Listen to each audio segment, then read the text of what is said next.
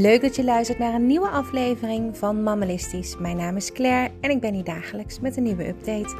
Fijn dat je erbij bent.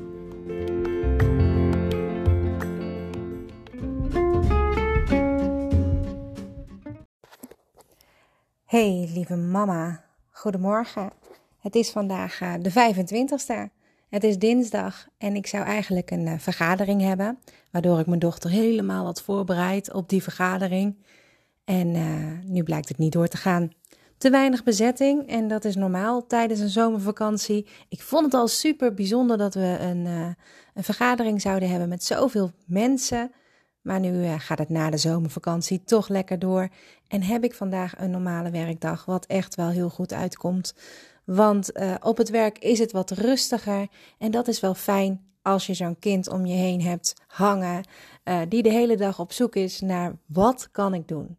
Nou hebben we gisteren super tof verf gemaakt met bloemetjes.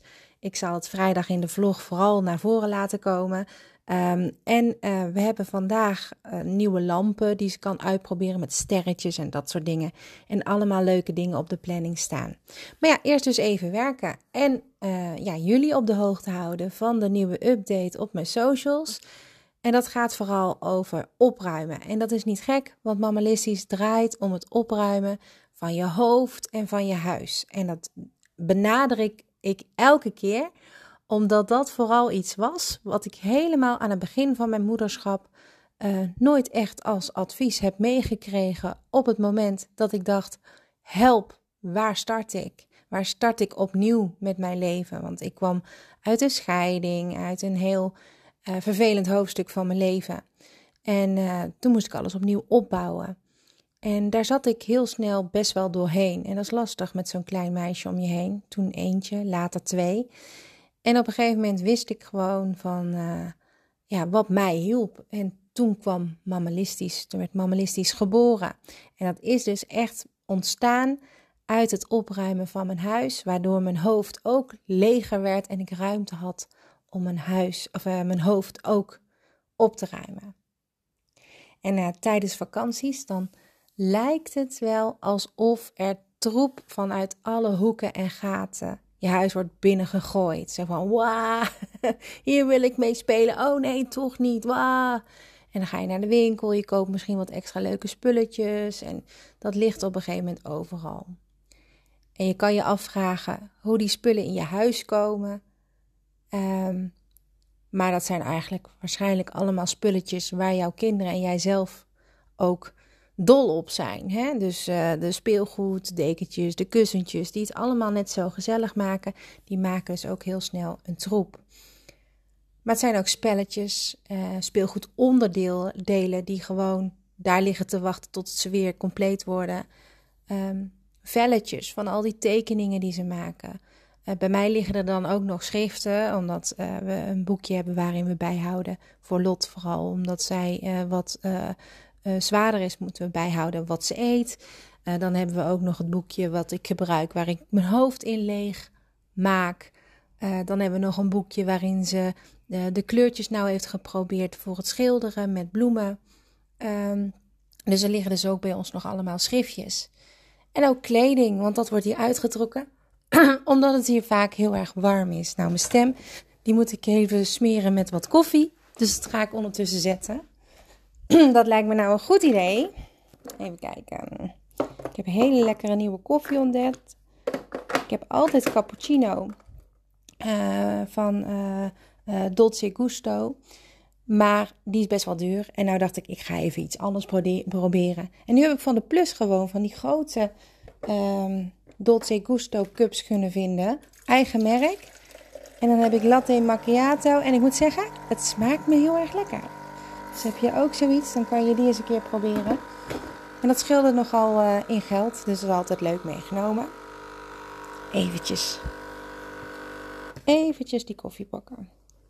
Heel veel zin in. Misschien jij ook wel. En een lepeltje. Zo. Die heb ik.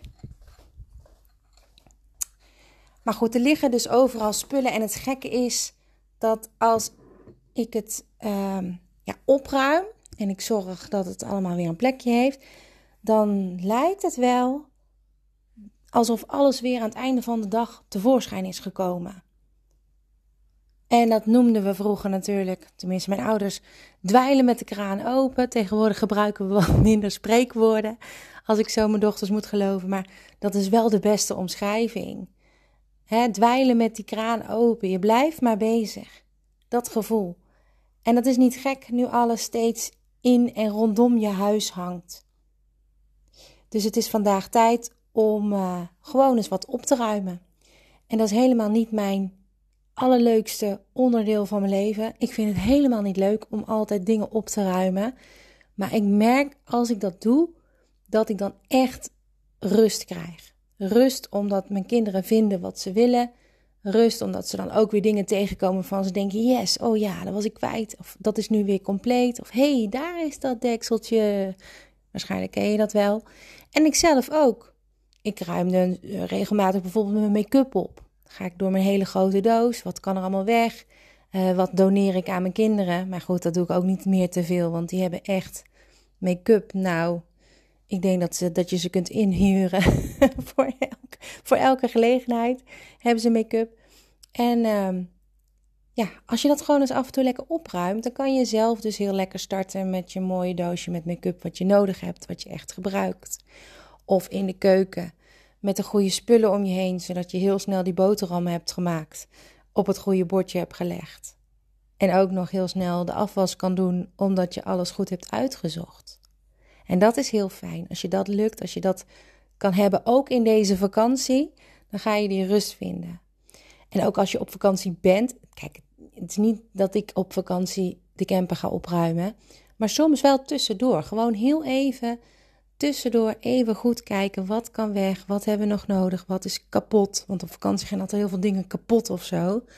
En uh, dat kan dan weggegooid worden, zodat je die rust ook daar vindt. Nou vooral in en rondom je huis dus. Um, en de grap is dat je dan je huis ontdoet van spullen waar jullie niet blij van worden.